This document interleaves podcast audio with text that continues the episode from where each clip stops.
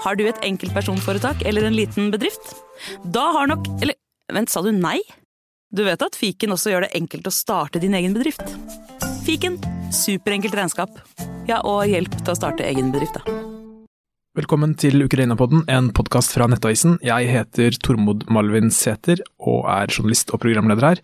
I dag så er det 687 dager siden Russland eskalerte krigen, som starta i 2014 og gikk til en fullskala invasjon av Ukraina. Og med meg i dag så har jeg som vanlig med meg min faste partner og makker. Jørnsen Henriksen, Ukraina-spaltist i Nettavisen og leder av Norsk-ukrainsk venneforening. Og i dag så er det bare Jørn og meg her i studio. Vi tenkte vi skulle gå litt dypere inn på et par uh, forskjellige temaer. Uh, vi begynner med fronten, som vanlig. Uh, og der har det vært stille i det siste, Jørn. Det bølger litt fram og tilbake, og ingen store forandringer? Nei, det er stille i, i, geografisk stille. Det er ikke store endringer langs frontlinja, men, men absolutt fortsatt harde kamper. Det ser vi flere steder langs fronten, særlig i øst. Eh, både ved Kupiansk og Bakhmut og Avdivka, som, eh, som vanlig. Eh, Russland har tatt eller hatt litt frem, framskritt på noen frontavsnitt, og så går Ukraina til motangrep og tar tilbake de fremskrittene. Ja, for jeg sier at det er stille, så er det da eh, stille geografisk. Det er harde kamper, mange som dør hver dag på begge mm. sider. Så det er ikke for å eh, spille ned det. Det er fortsatt en blodig, brutal krig som koster mange liv. Absolutt. Og det er stort antall falne på begge sider, men særlig på russisk side. og det som har vært interessant, er at vi har sett at de har mista en del T90M stridsvogner i det siste, som er den mest avanserte stridsvogna som, som Russland har. De har jo også denne her T14 Aramata, som vi kun har sett eh, på sånn paradefremvisning på Den røde plass. Den er ikke blitt brukt i kamp. Eh, det var noen rykter om at de var transportert til fronten, men eh, det funka ikke så bra, så de ble transportert tilbake. Det tror jeg jo så vidt var innom da Tom Røseth var her, for da var det noen rykter om at de var satt inn rundt Avdivka, mm. stemmer ikke det? Og det er en av disse nye russiske supertanksene, for mm. å kalle det veldig tabloid, selv om det heter stridsvogn, mm. eh, som, som, er nyutvikla, og som skal være utvikla spesielt for bykamp. Altså, ja. det, det, var også snakk om at de skulle bruke den i Mariupol, fordi ja. den, den, skal være spesialdesigna for å gi støtte til infanteriet i si, urbane, urbane, kamper. Da. og så har den vist seg som mye annet uh, nyutvikla russisk uh, materiell, at den ser kul ut på parader. Mm. Og har I teorien så skal den være bra, og så funker den dårlig i praksis.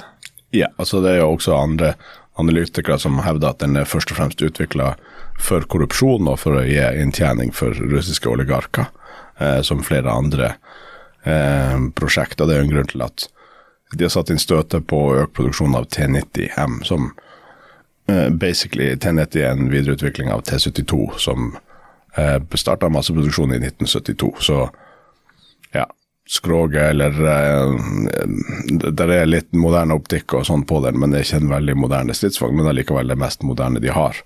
Eh, og de har prøvd å øke produksjonen av det. Det er vel derfor vi ser at de mista en del av de for tida, for at det kommer en relativt jevn strøm fra produksjonslinja ut til russisk styrker. Men, men de blir altså um, i mindre grad nå truffet artilleri, siden ukrainerne har mindre artilleri, men uh, de her uh, eh, FPV, altså First Person View-dronen, uh, treffer de, og så blir de først immobilisert, og så blir de truffet et par ganger til, og så til slutt tar de fyr og og mista tårnet sitt, som russiske stridsvogner gjerne gjør. Og, og jeg leste noen tall, nå har jeg ikke kilder på det akkurat nå, så du må ikke um, sitere meg helt, helt tydelig på det. Men mm. uh, vi fikk jo rett før jul så fikk jeg innsyn i et dokument fra Nammo, som norske ammunisjonsprodusenten, uh, som gjerne skulle produsert mer hvis de kunne, for øvrig. Mm. Uh, de skrev da i Det var 1. november dette notatet var skrevet, at da avfyrte Ukraina 7000 artillerigranater per dag. Mm. Og det er jo sunket betraktelig siden den gangen. Jeg så noen nye tall nå etter jul. og husker ikke helt hvor jeg så det, men det var noen estimater på at det var nede i 2000 granater per dag. og Det er et uh, voldsomt uh, dropp. og Det sier noe om måte hvor uh, prekær da, denne mangelen på ammunisjon er. Ja, og det er helt uh, umulig for dem å drive landkrig over tid, men de har så stor mangel på artillerigranater. så det, det er rett og slett prekært. Det er noen land som øker produksjonen sin. Vi har ikke evna det i stor grad i Norge enda, som er en vedvarende skandale som vi har omtalt mange ganger. Hvis, du, ja, hvis du leser med, litt mer om det, så intervjuet jeg Bjørn Arild Gram da jeg var i Bodø. Så hvis du googler eh, 'svarer på kritikken' eh, og Bjørn Arild Gram og Nettavisen, så skal du få det opp der. Ja. Og hans svar er av typen 'vi har lagt til rette for', istedenfor 'vi har gjort', som ville ha vært handlekraft som regjeringa har mulighet til, siden de eier Nammo. Eh, Så har vi også en annen negativ utvikling på det. Det er jo at Sør-Korea, siden de teknisk sett fortsatt er i krig med Nord-Korea, har eh, eh, opprettholdt sin eh, militærindustrielle kapasitet, og har via tredjeland, de har ikke gitt direkte, men via tredjeland eh, skaffa Ukraina en halv million artillerigranater, som er mer enn det resten av Europa har gjort. Men eh, nå har jo Nord-Korea og Kina begynt å forsyne eh, Russland, og Nord-Korea truer Sør-Korea med krig, som gjør at Sør-Korea er jo tvunget til å ta det alvorlig og må beholde flere av sine granater sjøl. Sånn at eh, Nord-Korea har jo gjort Russland en dobbelttjeneste der, både størka for at Russland får mer artillerigranater, og sørger for at Ukraina får mindre. Ja. Når vi da snakker om Nord-Korea, så kan vi gå over til de eh, russiske missil- og droneangrepene på Ukraina. Det tok seg veldig opp et eh, par dager før nyttårsaften, om det var én dag eller to i forkant. Eh, så var det et enormt eh, missil- og droneangrep eh, mot Ukraina. Det var over 150 missiler og droner som ble sendt av gårde. Ja. Og de gjorde store skader på sivil infrastruktur, flere boligblokker som ble truffet. Og det har blitt gjentatt eh, i vært, Det har vært flere, det har omtrent vært angrep hver eneste natt, men så har det vært i hvert fall tre da, som har vært veldig store. Som har Ja. vært større enn vanlig. Eh, og, og i disse angrepene så har jo da eh, det da blitt bevist at Russland har brukt eh, missiler fra Nord-Korea. En av disse skal ha ramla ned på et jorde i Zaporizjzja, hvis jeg skjønte det riktig. Og noe av det eh, man er litt bekymra for, da, uten at jeg har gått helt, dykka veldig dypt i det her, er at det her er en veldig god eh, test for Nord-Korea for, for å teste sine raketter mot eh, vestlig eh, luftforsvar. For da kan de på en måte se hvordan raketten rakettene deres fungerer, eh, eller ikke fungerer. Eh, og på en måte gjøre tilpasninger og gjøre det enda bedre. Så det her er jo, som du er inne på, Nord-Korea har gjort Russland en dobbelttjeneste ved å forsyne Russland med eh, mer artilleri. Eh, men det er også i Nord-Koreas interesse ved å få testa ut sine våpensystemer eh, i kamp mot vestlig eh, luftforsvar, som, det det som Sør-Korea også bruker, for å se på en måte hva, hva de kan gjøre for å gjøre det seg mer effektivt. Absolutt. Og det er jo bedrøvelig å se at eh, Russland har bedre venner i Nord-Korea og Kina enn Ukraina har blant sine eh, vestlige demokratiske allierte, og at eh, vi er dårligere på å forsyne eh, Ukraina med våpen enn Nord-Korea og Kina er å forsyne Russland. Men du har helt rett, og det er jo positivt for, for eh, Nord-Korea på mange måter. Både det at de får testa eh, teknologien sin, men også at de får solgt den. Altså Det her er jo høykonjunktur for, eh, for eh, Nord-Korea. De får eh, solgt eh, 50 år gamle artillerigranater og eh, de mer nyere teknologiene som de har utvikla sjøl, men tatt veldig store kostnader på og brukt store ressurser på. Nå eh, var det vel ingen som trodde at de skulle selge det til utlandet, men det får de da gjort til, til Russland nå. Og det er det vel ingen som hadde trodd da du sagt det for to år siden, da, rett før uh, krigens start. Og det er vel få som egentlig hadde trodd på det etter at krigen starta, så det, er, det her uh, har skjedd ganske fort. Og Absolutt. Sier hvor fort verden er i endring, da. Eh, men noe som er eh, si, bekymringsverdig med disse angrepene mot eh, Ukraina, som vi skal også sies at eh, Russland angriper og treffer vel også noen militære mål i disse angrepene. Så det er ikke sånn at det bare er sivile boligblokker og skoler som, som treffes. Eh, de angriper fortsatt eh, kraftverk og annen sivil infrastruktur som eh, ja, strømlinjer, varmeforsyning osv. osv. Det er jo sånn i Ukraina og andre tidligere Sovjetland at man har sentralvarmeanlegg, så man har liksom ikke sin egen panelovn i stua, da, men man har på en måte et, et sentralt gassanlegg som varmer opp hele boligblokka. og Når det da tas ut, så tas det ut for eh, veldig veldig mange personer samtidig. Og I Ukraina så er det også kaldt om vinteren. Det er vel nede i 20 minus der enkelte steder nå også. Og Så er Ukraina et stort land, så vil det variere, men det er i hvert fall det er fryktelig kaldt der òg. Ja. Eh, men det som er problemet med de store missilangrepene, er at vi ser at det er flere og flere missiler som slipper gjennom eh, det ukrainske luftforsvaret også. Vi ser at den andelen av missiler og droner de klarer å skyte ned, den synker. Ja. Og det er um, de, de, klarer fortsatt å skyte ned de fleste av disse Shahed-dronene, som er disse iranskproduserte angrepsdronene, som vel Iran fortsatt nekter for at uh, de, de, er forsynt. Men det er vel uh, ingen som tror på det lenger. Uh, det er jo helt tydelig at de, de er fra Iran. Mm. Og det er å bruke disse gamle tyske luftvernkanonene, kan vi kalle det. Ja, en uh, Gepard, en, et stridsvognsjassi som har uh, luftvernkanoner på seg. Som, som tyskerne har på en måte bestemt seg for å ta ut av tjeneste, men nå som de gjenåpner produksjon på for at de har vist seg å være spesielt effektive. Og på de her offensivene i fjor, både i Nei, i fjor, i 2022, vi har fått et nytt år som der Ukraina både hadde fremgang i eh, eh Kherson og, eh, og, i Kharkiv, så ble de også brukt mot landmål veldig effektivt. Så, så det er et veldig effektivt våpensystem. Og der har de ammunisjon. De får 30 mm fra, fra Tyskland, men det at de skyter ned eh, stadig færre kryssermissiler og, og, sånn, er jo et tegn på at um, de mangler luftvernmissiler. Og det er jo et meldt problem. Det har jo flere vestlige analytikere pekt på at den, den dagen vil komme, at etterforsyning av missiler ikke er i stil med de angrepene som de utsettes for. Ja, og Hvis vi da går dykker ned i statistikken, da, så skrev jeg en sak på mandag, eh, mandag 8. januar, mm. eh, den som heter 'Dystre tall etter russisk angrep', sitatstrek 'bekymringsfullt'. Mm. Hvor jeg da har intervjua Lars Peder Haga, som er eh, førsteamanuensis ved luft, Luftkrigsskolen, og også ekspert på sovjetisk eh, luftmakt. Og det gikk gjennom tallene fra, eh, som Ukraina selv publiserte etter angrepet, og de viser at da 26 eh, av 59 missiler slash droner slapp gjennom det ukrainske luftforsvaret. Og av disse 20, 20 um, uh, disse de klarte å skyte ned, de klarte å skyte ned uh, 8 pluss 18, det er vel fortsatt 26? Sånn cirka. Jeg tror de klarte å skyte ned 26. Mm. Åtte av de var droner. Så de klarte å skyte ned alle de iranske Shahed-dronene. Mm. Og de har en relativt begrensa sprengkraft. Altså mm. de, du vil virkelig ikke at det skal lande i hodet på for da, da dør du. Men, mm. men det, det, er mindre farlig enn disse kryssermissilene. Absolutt.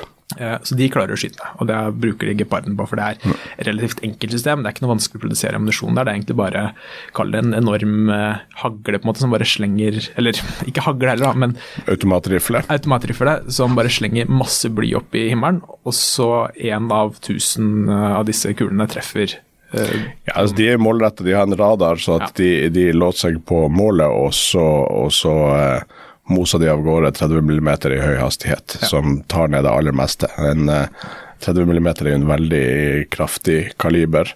F.eks. Eh, Bradley eh, stormpanservognen har 25 mm på den kanonen de har, mm. som de angriper bl.a. stridsvogner med. Så, eh, så, så det er jo et men, men, det viser jo, det er jo flere sånne teknologier som fra 90-tallet som vi trodde var avleggs, men som viser seg å holde veldig bra mål i, i Ukraina. Og Bradley er jo en av de. Ja, men det, som du har sagt flere ganger, de har altså starta ny produksjon av disse Bradleyene, som ikke har blitt produsert siden 1991. Ja.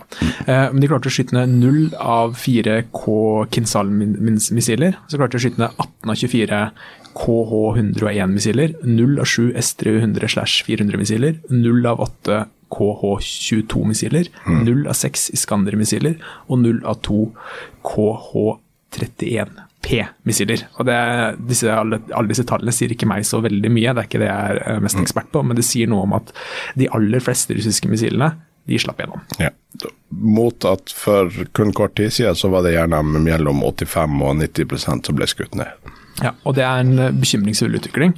Men det er eh, Jeg skal kalle det en trøst, men det er også um, Lars Peder Haga trakk fram at det kommer også veldig an på hvor eh, Russland velger å skyte disse missilene.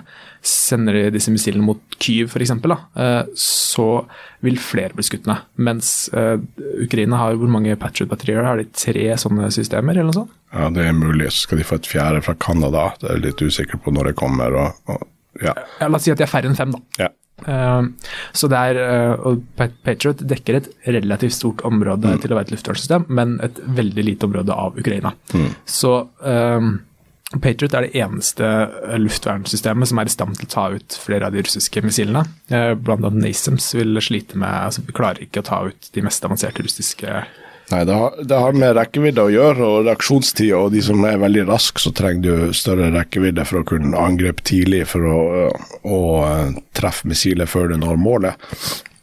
Og så er det jo sånn, det russerne driver med sånne metningsangrep, at de avfyrer veldig mange forskjellige ting samtidig, sånn at luftvernsystemet må prioritere.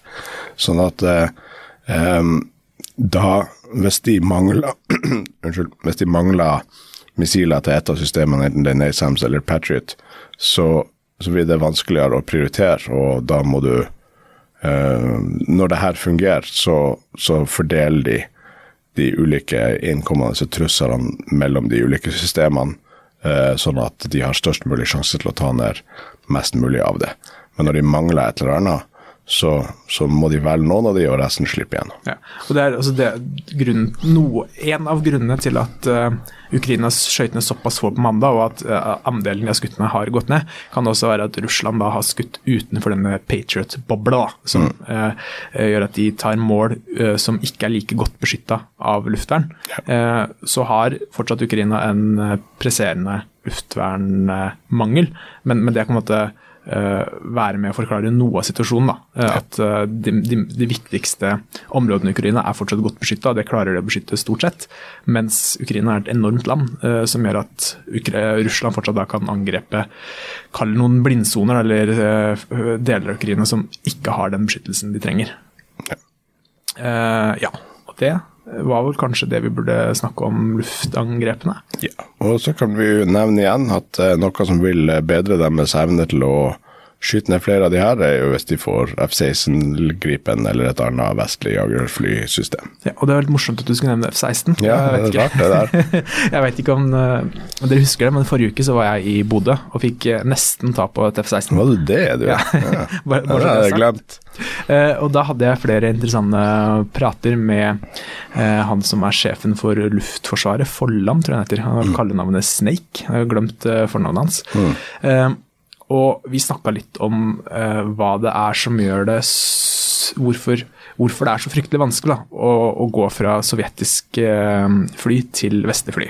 Og uh, du Jørn, er jo en av de forkjemperne som mener at det, det kan ikke gå fort nok. Det er bedre med F-16-fly enn ingen F-16-fly. Ja, absolutt. men, men det de legger vekt på, da, er at eh, det er ikke bare det å fly flyet eh, og kunne trykke på A-fyr som er vanskelig, det, det, lar seg gjøre. Men det er hele eh, luftmaktoperasjonen, hvordan man planlegger å utføre oppdrag. Så sånn som jeg skjønte da jeg snakka med han som leder Norges treningsbidrag til Danmark, så foregår mye av de ukrainske uh, luftoperasjon, for å kalle det det. Eh, de foregår at det er piloten selv som planlegger hvilke mål som skal angripes og hvordan det skal gjøres. og Så setter piloten seg i flyet, flyr ut, angriper, tilbake til basen, og så er det ferdig.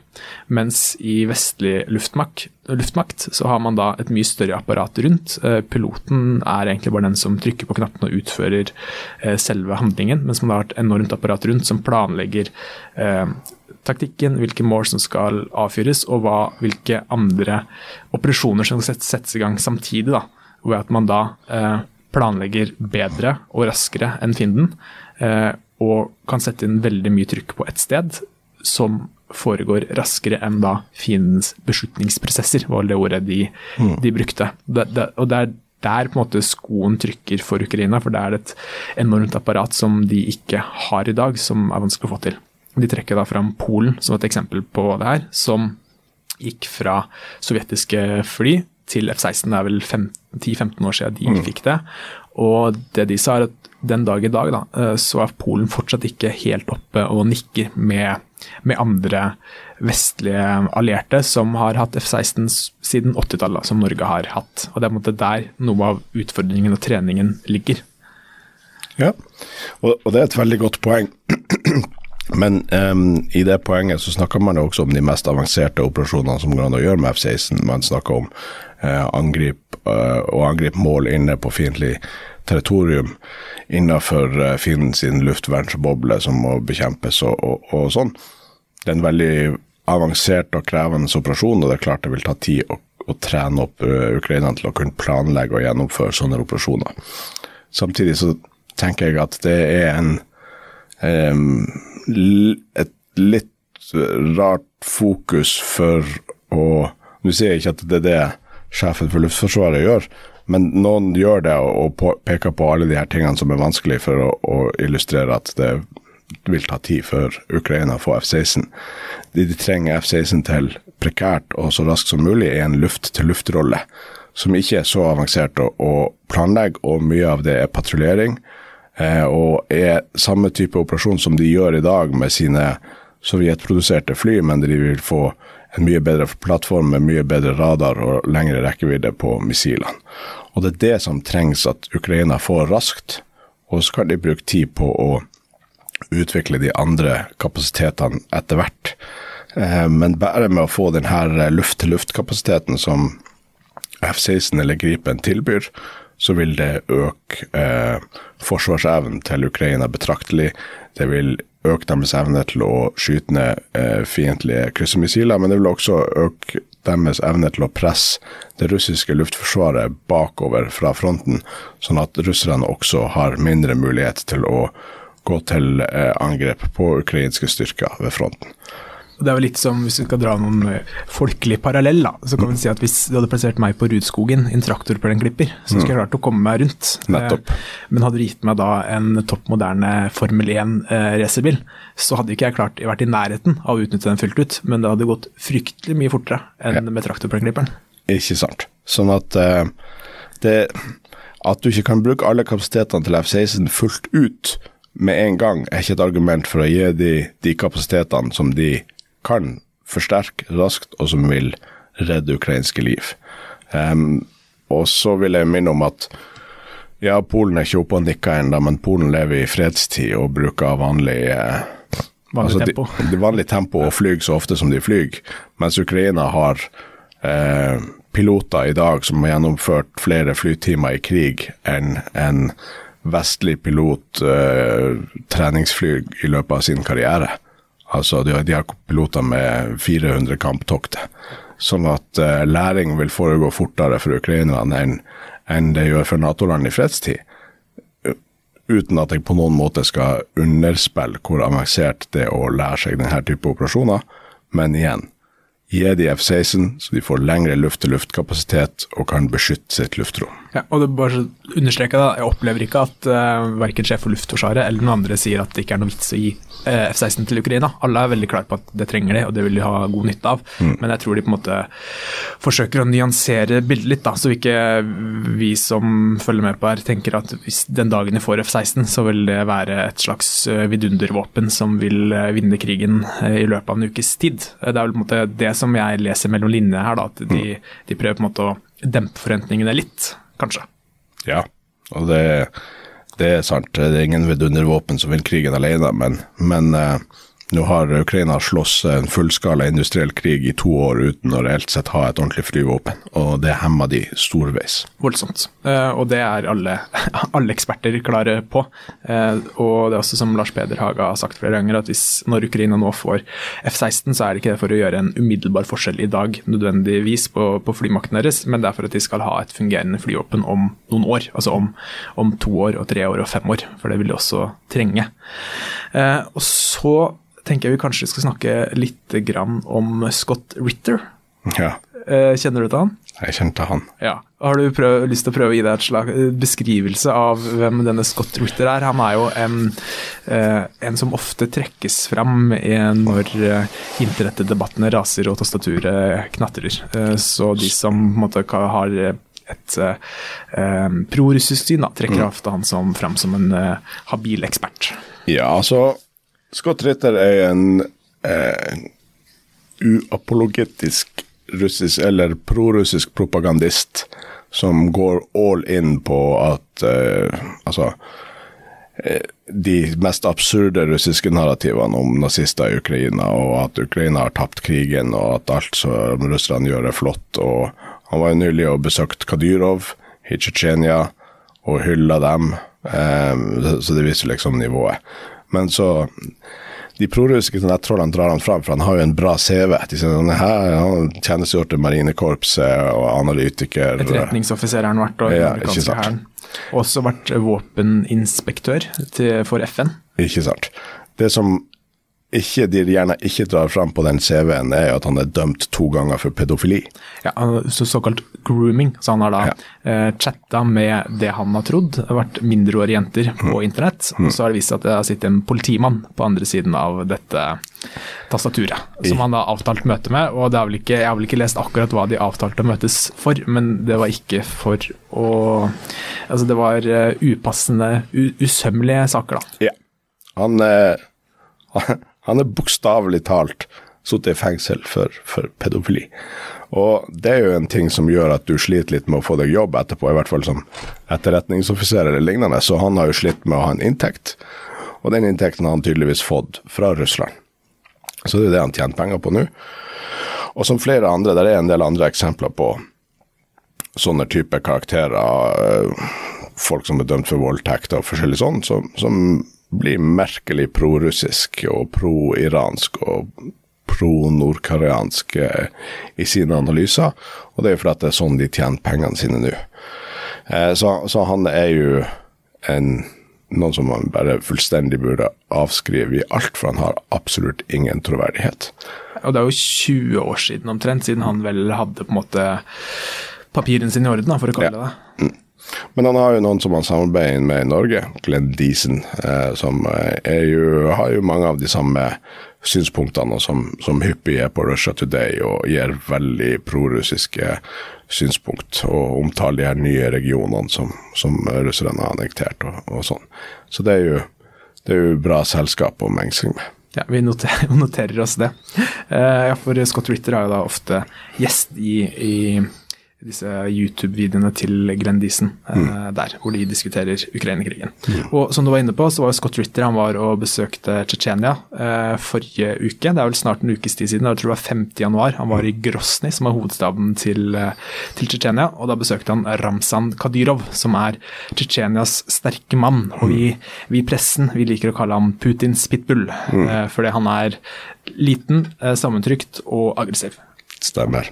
Og Kadyrov han blir vel uh, regnet som en av de mest brutale diktatorene i verden i dag, og det sier en hel del. Ja. Eh, det å være i Tsjetsjenia eh, og det er ikke noe altså, hva skal jeg si, Hvis du ikke er enig med Kadyrov, så er det ikke noe kult. altså Det er rett og slett forferdelig. Eh, opposisjonen fins knapt nok. De henrettes, de tortureres. Det fins ikke pressefrihet. Eh, Rett før jul så var det noen protester i bl.a. Tsjetsjenia og Dagestan. Eh, Dagestan er jo de som følger med på MMA, så er de kanskje mest kjent for å ha fostra mange dyktige MMA-utøvere, men det er et sidebord vi ikke skal gå inn på i, i dag.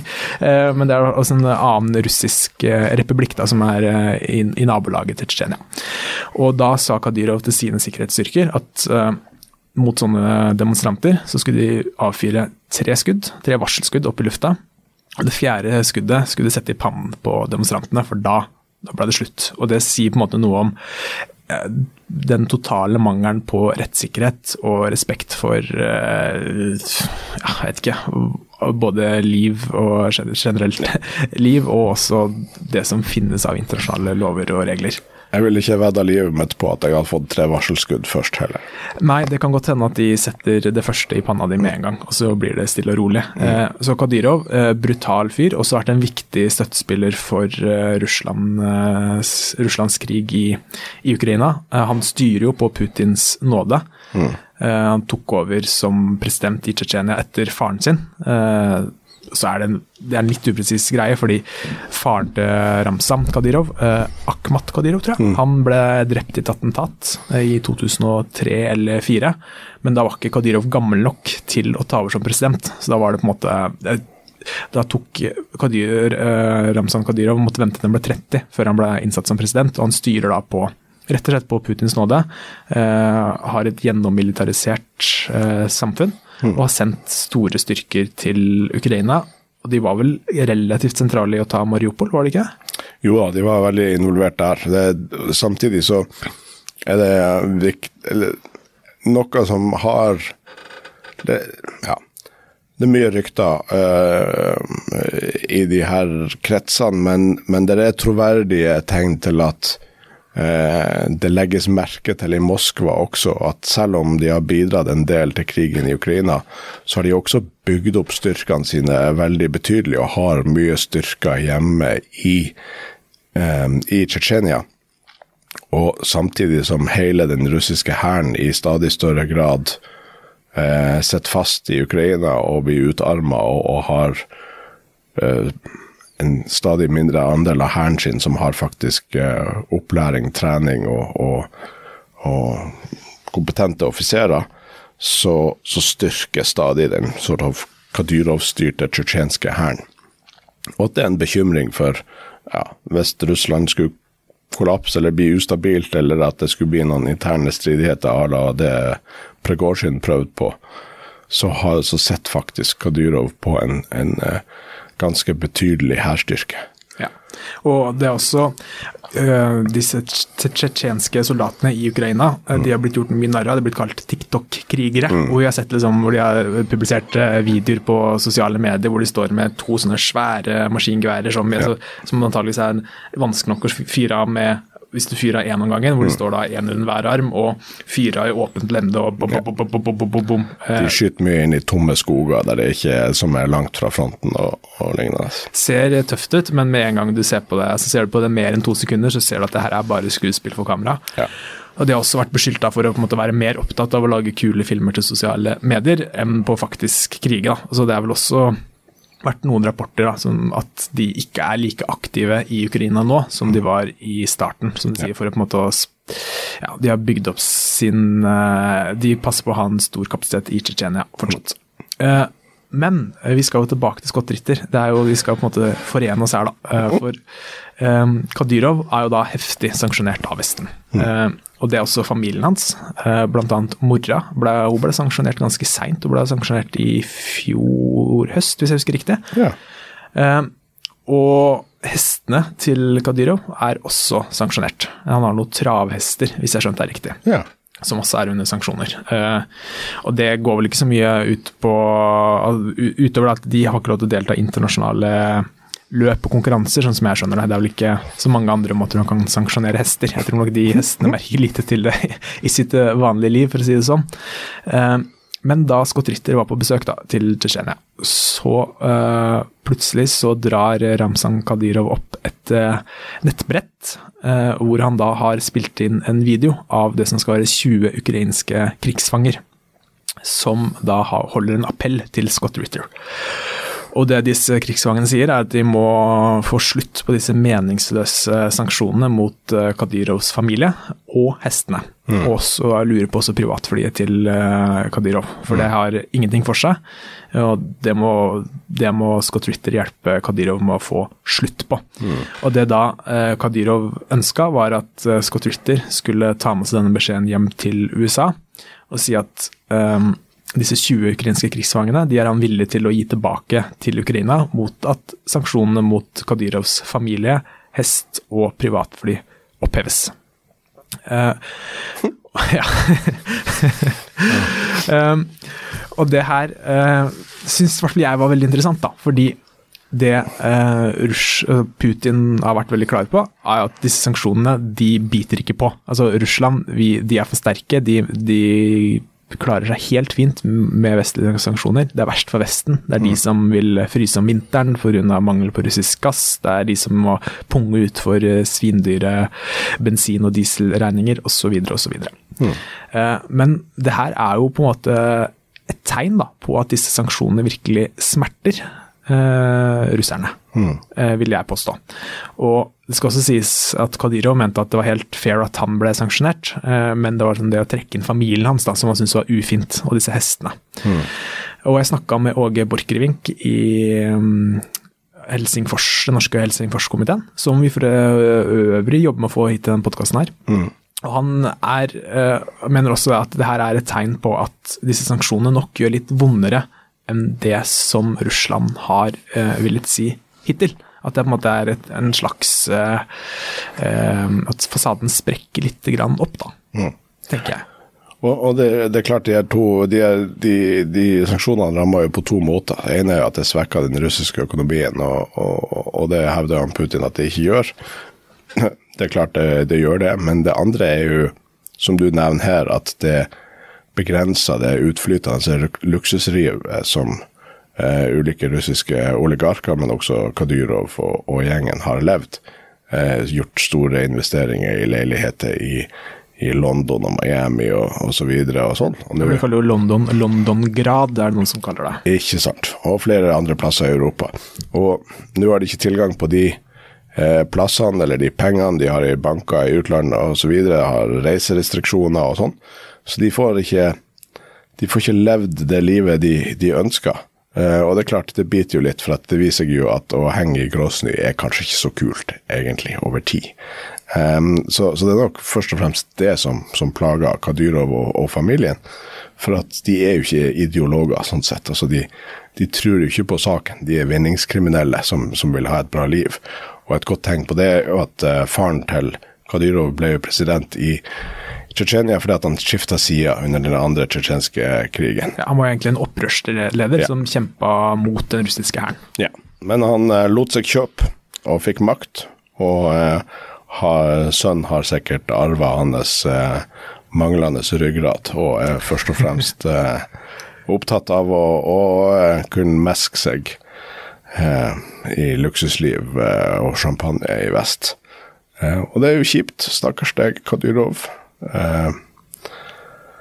Ja, nei, veldig lite sympati herfra. Og jeg, som de aller fleste, så knytter jeg veldig lite troverdighet til at ukrainske krigsfanger har et ektefølt eh, bekymring for sanksjonering av Kadyrov sine hester. Ja, og det er ingen grunn til å tro at disse ukrainske krigsfangene heller blir behandla eh, bra. Altså de nok, ja, det er jo veldig dokumentert at ukrainske krigsfanger i Russland blir utsatt for grov tortur og mishandling. Og så kan du nå lure på hva er det som skjer videre med disse sanksjonene? Er det, eh, og disse 20 krigsfangene, vil de nå på en måte bli bytta bort mot eh, mot sanksjonslettelser, og det vil de ikke. Eh, Scott Ritter, eh, jeg har sett på en video av han, sånn at dere slipper. Han ble, han ble intervjua på en av disse eh, ja, podkastene som tar eh, for seg Som han ofte er gjest i. Som bare stiller spørsmål? Ja, som bare stiller spørsmål. Fritenkere, som ja. de gjerne liker å kalle seg. Eh, og han sa da at han har jo ingen makt til å oppheve det her, og var ikke forberedt på spørsmålet, og kan ikke gjøre noe med det. Så det er, er han jo rett i. For en gangs skyld sa Scott Ritter noe sant. Ja, selv en klokke som står stille, mm. har, viser rett tid to ganger om dagen, osv. osv. Mm. Uh, ja, og det tenkte, jeg tenkte det var greit å gå gjennom hele historien, for jeg syns mm. det, det, er interessant da, at vi på en måte nå for første gang ser en slags innrømmelse om eller av at disse sanksjonene faktisk biter på. Og det er, om, om hvor plagsomt det er, så er det i hvert fall en stein i skoen da, som, uh, som irriterer den russiske eliten. Uh, vi bør vel også snakke litt om Gerasimov, uh, som vi ikke har sett på lenge. fordi om det var en uke eller to siden, så var det et angrep mot Krymhalvøya, som var ganske stort, og der skal det røket med en hel del eh, russiske offiserer, sier ubekrefta rykter. Og eh, noe, en del av disse ryktene er at Gerasimov skal være drept. Og hva tror du, Jørn? Nei, Det er veldig vanskelig å si. Um, kan det hende at han er skadd også, eller uh, Det er veldig vanskelig å, å, å vite hvor i all den tid ukrainerne ikke har sagt noe offentlig, eh, hvor mye man skal stole på sånne rykter. Eh, det var jo rykter om at Kadyrov også var død. Han viste seg å være i live. Denne sjefen for den russiske svartehavsflåta som ukrainerne sa var død, men så han, tok han i et Teams-møte noen dager senere. Han har vi vel heller ikke sett noe til etter det. Jo, han er ikke sånn veldig. Han var jo på et sånn digitalt uh, Ja, han var på det Teams-møtet der folk uh, lurte på om han var i live eller ikke, og ja. folk hadde på seg andre briller og lignende akkurat når han var på skjermen. Så, men etter det så har vi jo ikke sett noe til han, så der er det jo også uklart. Så, så det er en del sånn Schrødingers eh, personer der borte som vi ikke helt sikkert vet om er døde eller levende, men, men eh, akkurat uh, eh, akkurat her så, så, håper jeg nesten at han er i live, for han har gjort en så dårlig jobb at eh, jeg tenker at det kan være eh, bra for Ukraina at han fortsetter. Ja, det er noen som har kalt uh, Garasimov for Ukrainas uh, mest suksessrike general. Ja. Eh, fordi rett og slett pga. alle disse dårlige avgjørelsene den russiske hæren har tatt, og mm. den elendige stammen de var i da de angrep, og for så vidt fortsatt er i. Ja. Og så tror jeg også vi skal ta disse ryktene med en stor klype salt. Jeg eh, personlig kjenner ikke veldig godt til det her, men jeg følger en av disse Twitter-kontoene som jeg setter mye lit til, som kaller seg War Translated. Som mm. er, eh, Han heter vel Dimitri og er fra Estland, tror jeg. Eh, følger krigen eh, tett. Anbefaler alle som har interesse av å følge med på, på, krigen, om å gå inn på X, eller Twitter, mm. som vi også kan kalle det, og følge War Translated. For Translated. Så han tar da eh, filmer fra krigen, fra begge sider, og oversetter det til engelsk. Eh, som gir eh, et veldig godt innblikk av hva som skjer. Uh, han, har, han, har, god oversikt over det som skjer på bakken, er veldig troverdig. Jeg har aldri tatt han i å spre falsk informasjon hittil. Og det han skriver, da, er at uh, det som har skjedd her, er at uh, Wisegrad, eller vise, visegrad 24, som vi kan si det på norsk, som er en, en enorm uh, Twitter-konto, mm. uh, som har et litt omtrentlig forhold til sannheten. De er veldig pro-ukrainske, eh, når det passer deres agenda. De er, veldig, de er vel mer antirussiske enn pro-ukrainske, er vel riktig å si.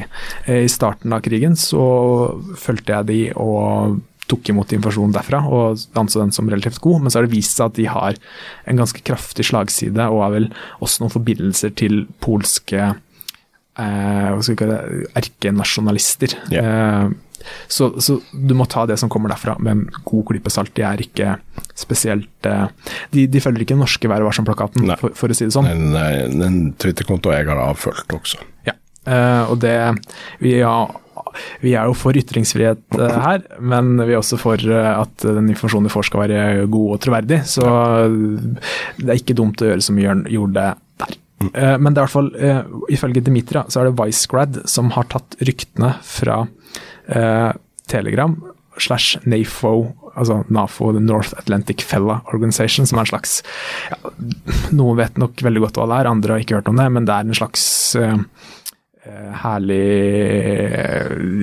Hva skal vi kalle det? En Informasjonskrig, nettverk, eh, ja. pro-ukrainsk som oppsto litt adhoc etter fullskala invasjon. Ja, kall det motsatsen til russiske nettroll. da. Så ja. har det vestlige nettroll, som mm. er pro-ukrainske og antirussiske, mm. som begynte å kødde med at Grasimov var død. Eh, og så har da eh, Det har bare vært tull og tøys fra starten av disse dødsryktene til Garasimov. Ja. Og så har da Vicegrad tatt disse tull- og tøysryktene og publisert da som eh, ubekrefta, uh, ubekrefta etterretning viser ja. at uh, Gerasimov er død. Mm. Uh, så jeg tror ikke vi skal uh, anta at han er død. Antageligvis så kan det se ut da, til at det her bare er en slags spøk som oppsto i visse kretser av internett, som nå har fått bein å gå på. Ja. Og så er det relativt lite sannsynlig at han er død. Men vi har heller ikke sett så mye til han i det siste. Ja. Så det er som du sier, det er en slags Schrødringers katt. Er ja. han død, er han ikke død? Jeg heller mot at han antakeligvis ikke er det. Ja, jeg er enig med deg. Ja. Så får vi heller Så er det ikke et veldig stort sjokk hvis han kanskje er død. Det kan jo også hende han har falt ut av et vindu. drukket ut av vinduet, eller duttet ut av et vindu, eller drukket uh, dårlig te. Dårlig te er også et utbredt problem. Det, det, skjer med visse folk av og til. Mm. Men uh, enn så lenge så er det ingenting som tyder på at det er noe hold i disse ryktene. Uh, og så, mot slutten i dag, så vil jeg bare innom en annen Twitter-konto jeg følger, som han heter Emil Kastehelmi, finsk OSINT, eh, altså Open Source Intelligence-type. Mm. Følger krigen eh, i Ukraina veldig, veldig tett. Og kommer med veldig mye god informasjon, både om krigen i Ukraina, men også finske forhold. Så anbefaler å sjekke opp ham. Mm.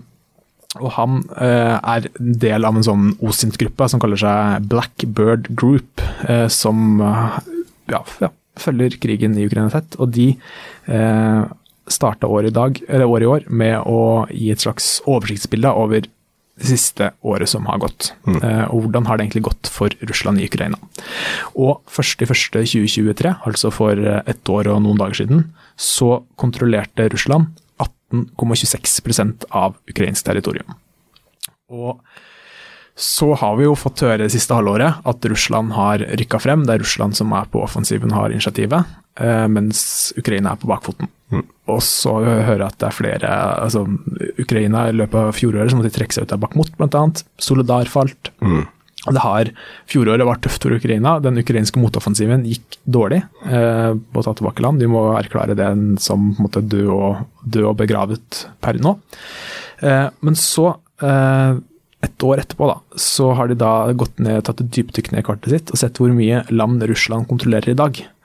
Og da har det gått fra 18,26 eh, til 18,27. Yep. Så i løpet av det siste året så har Russland da klart å eh, okkupere 0,01% mer land. Ja.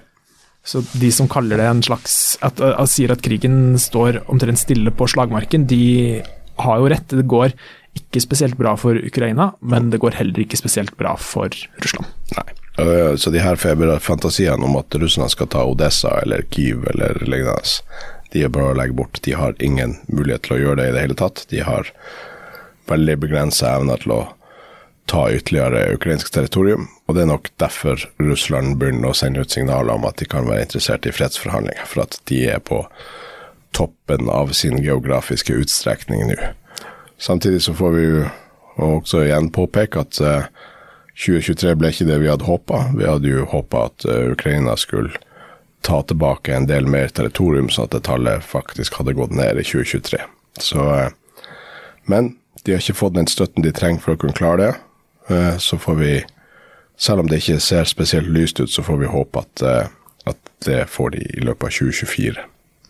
Og da tror jeg vi skal begynne å forberede oss på neste ukes sending, hvis ikke du har noe, for jeg har en liten annonsering der til slutt. Ja, jeg tenker vi kan ta et sveip innom Taiwan. Jeg og du var på frokostmøte før denne episoden med den norske atlanterhavskomiteen, som hadde eh, frokostmøte om valget i Taiwan i morgen. Og Der kom det fram med mange interessante perspektiv, eh, mens eh, det som er mest relevant for Ukraina, er jo at eh, sånn, i det store bildet så trekker eh, Kina og Taiwan stadig mer av amerikanerne sin oppmerksomhet eh, og kapasitet. Og for at amerikanerne skal kunne drive effektiv avskrekking mot Kina, så trenger de stadig større militær kapasitet i, i Stillehavsområdet og eh, ja, la oss kalle det den fjerne østen. Det reduserer eh, deres eh, kapasitet til å også ha fokus i Europa og, og Ukraina. ikke det de vil klare, å de kan enkelt hjelpe Ukraina med det de trenger nå hvis de hadde ønska det. Men i den neste tiårsperioden, som var nevnt flere ganger på, eh, på det her seminaret, så vil USA bli stadig mer opptatt der borte og mindre opptatt av Europa, som gjør at vi må sørge mer for vår egen sikkerhet.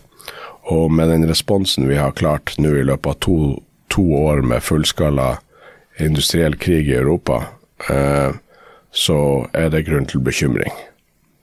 Nammo har vi nevnt veldig mange ganger på Raufoss. Ikke klart å gjøre noe der på to år, men i stort, hele Europa økt med militærindustriell kapasitet, investering i forsvar. Norge har økt forsvarsbudsjettet med 15 milliarder, som er knapt nok nok til å ta opp etterslepet etter de kostnadene som Forsvaret har fra før. Det, det gir ikke noe særlig nye kapasiteter. Så, så vi har det travelt med å gjenoppbygge den forsvarsevnen som har falt dramatisk og kontinuerlig siden Sovjetunionens eh, sammenbrudd i 91-92. Ja, det var ikke spesielt eh, eh, lystig eh, prat, da. Eh, det, de, det var ikke De gikk ikke ut fra det frokostmøtet der eh, og tenkte at dette, dette går veien. Nei, Det, det tross går, kaffe og croissanter så var det en, eh, en urolig følelse etterpå. ja. Og Det, eh, ja, og Taiwan er jo også Det er langt unna Ukraina, men det er fortsatt eh, veldig relevant for krigen i Ukraina òg. Men det tror jeg vi skal prate om i en annen episode. Det skal vi gjøre. Eh, Så skal vi dykke litt mer ned i Kina en dag. Eh, Vi har noen eh, gode navn på blokka vår som vi har tenkt å invitere. Mm. Men det får vi komme tilbake til. Og hvis dere som hører på har noen forslag til gjester, så send det gjerne til oss på ukrainapodden at nettavisen.no. Sammen med masse lytterspørsmål. Gjerne. Vi er veldig glad i lyttespørsmål.